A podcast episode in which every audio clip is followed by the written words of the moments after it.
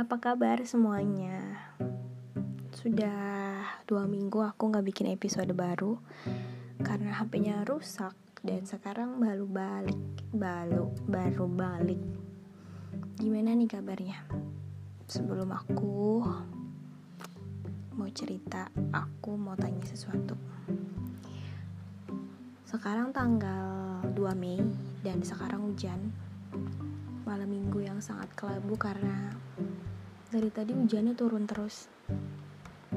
Tapi beruntung sih buat jomblo kayak aku tuh kayak ya udah mending di kamar tidur. Tapi nggak tahu deh buat kalian yang lagi jalan sama doi. Kesel gak tuh kira-kira kalau malam minggu eh malah hujan? Oke kita balik ke topik ya. Aku mau tanya sesuatu hmm, kenapa sih kebanyakan di beberapa daerah itu wanita yang baru menikah itu harus ikut sama suami? Tinggal sama suami di rumah baru harus ada suasana baru. Apa karena wanita itu makhluk yang sangat senang menyimpan kenangan jadinya harus perlu suasana baru untuk melupakan kenangan-kenangan lama? Jadi harus pindah gitu. Aku nggak tahu kalau ada yang tahu boleh kasih tahu aku kenapa. Tapi kenapa jadi nyambung ke sini ya? Oke okay. hmm, mari kita berimajinasi tentang sebuah rumah. Oke okay, rumah di sini mari kita anggap sebagai manusia. Manusia yang selalu jadi tempat kita pulang. Manusia yang selalu menjadi tempat kita senang tempat kita susah, tempat kita sedih, tempat kita ngadu segala keluh kesah, tempat kita cerita random dengan biasanya dimulai dengan kalimat, "Eh, kamu tahu gak sih?" Ya, kadang-kadang itu semua bisa jadi awal sebuah rumah. Karena rumah itu tentang kebahagiaan dan tentang kenyamanan. Tapi sebenarnya bukan itu yang mau diceritain sih di sini. Di sini aku mau cerita tentang seseorang yang ternyata salah rumah. Dia pikir selama ini dia udah pindah ke rumah barunya. Dia pikir rumah lamanya itu bukan rumah dia. Dia pikir yang lama itu bukan rumahnya. Dia pikir sebenarnya gitu, eh ternyata enggak.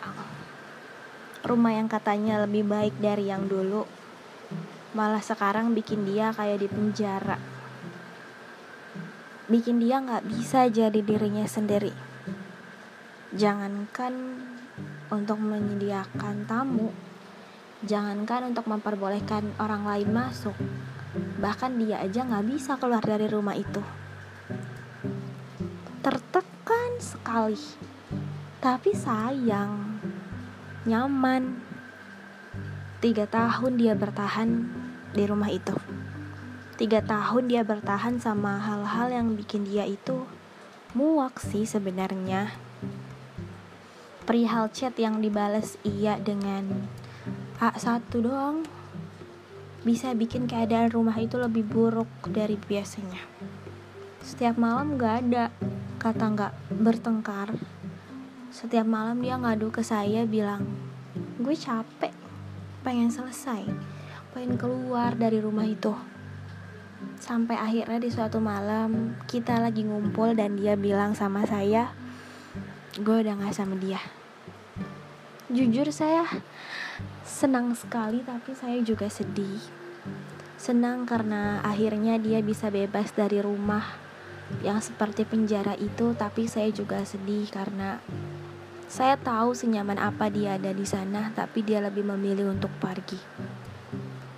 Sekarang, dia selalu jadi dirinya sendiri.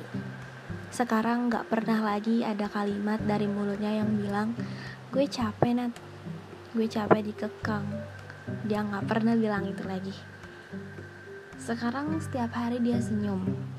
Sekarang setiap hari dia bahagia dengan kuliahnya sebagai seorang perawat, dia juga happy dengan kehidupannya sekarang.